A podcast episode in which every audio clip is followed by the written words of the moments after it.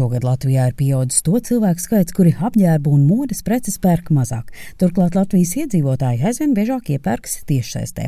Pērn interneta veikalos iepirkās 31% iedzīvotāji, bet šogad jau par 10% vairāk. Pozitīvi, ka Latvijā iedzīvotāji aizvien biežāk tā dēvētās ātrās modes vietā dod priekšroku ilgtspējīgiem zīmoliem.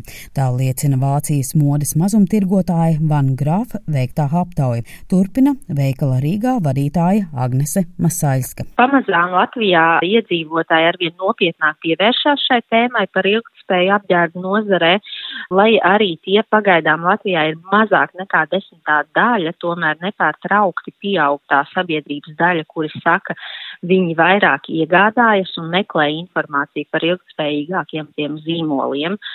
Ilgtspējas tēmai zīmola izpildījumā, iegādājoties apģērbu un modes preces, uzmanību visbiežāk pievērš sievietes vecumā no 18 līdz 29 gadiem, kuras dzīvo Rīgā un Pierīgā un kuras ir Krievu tautības.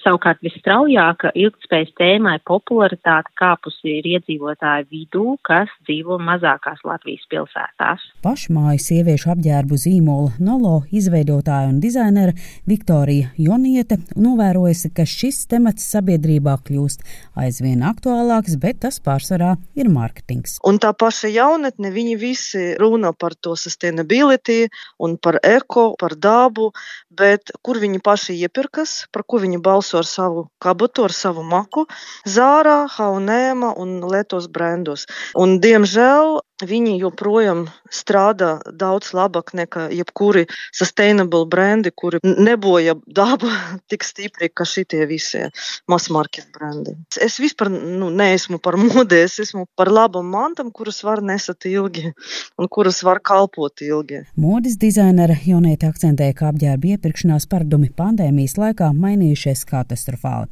Sarukusi gan iedzīvotāja rocība, gan pirkumi tiek izdarīti daudz, daudz retāk. Tomēr tas nenozīmē, nozīmē, ka ātrā mode vairs nav aktuāla.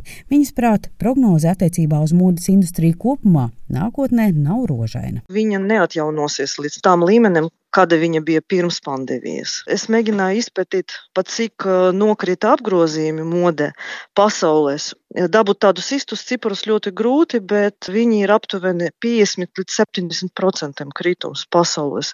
Tas ir milzīgi cipari. Tā principā ir modes katastrofa uz doto brīdi.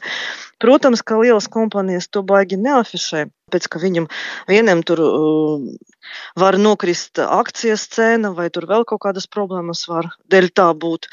Un daudzi īstenībā melo par tiem cipariem, bet tie cipari ir katastrofāli. Faktu, ka modes industrija 2020. gadā piedzīvoja krahu, akcentē arī Latvijas modes palātas vadītāja Dita Danusa, sakot, ka modes zīmoliem līdz pandēmijai 86% no apgrozījuma nodrošināja pārdotās preces fiziskajos veikalos.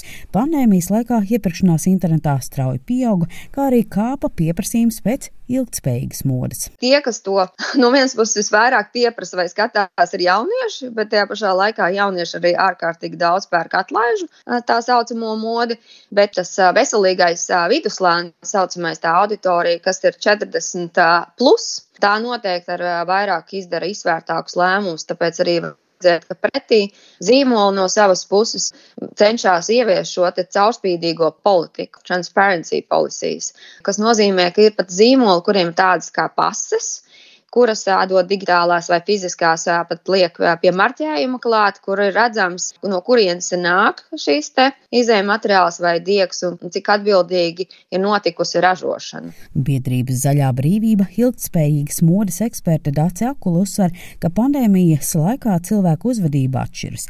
Ir tādi, kas pērk mazāk apģērbu, un ir tādi, kuri izmanto interneta veikals sniegto iespēju, proti, ka pirkums ir klikšķi attālumā un savā ziņā iepērkoties pat mazina pandēmijas laikā radīto stresu. Tomēr līdz ar pirkumiem internetā rodas arī papildus drauds videi, jo cilvēki nereti pasūta apģērbu, uzlaiko to un pēc tam nosūta atpakaļ. Vispār ir tas lielais jautājums, kas notiek ar šiem atpakaļ atgrieztajiem nepārdotajiem apģērbiem, jo tur ļoti liela loģistika, īpaši lielajos interneta veikalos, kā to preci vispār ielikt atpakaļ tajā interneta virtuālajā plauktā. Un mēs zinām, ka diemžēl ir tie stāsti par daudziem veikaliem, kas iznīcina to preci vienkārši pat neņemās ar šo visu procesu. Jā. Tas nozīmē, ka ir risks, ka šī atpakaļ atgrieztā drēbē apģērbs vienkārši tiek iznīcināts, aizvests uz sadedzināšanu, atkritumu poligonos noglabāts vai sagriezts un tam līdzīgi, nu, ka tāpat netiek pārdots un neatrod to jauno saimnieku.